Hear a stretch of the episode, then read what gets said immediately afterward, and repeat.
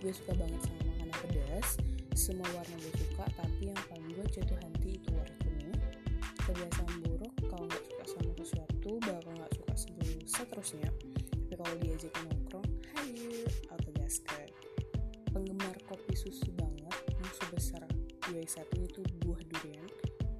Hmm, mungkin podcast agenda ini bakal relate sama pengalaman kalian semua. Segitu dulu perkenalan dari gue mumpung masih hangat nih buat yang ingin berteman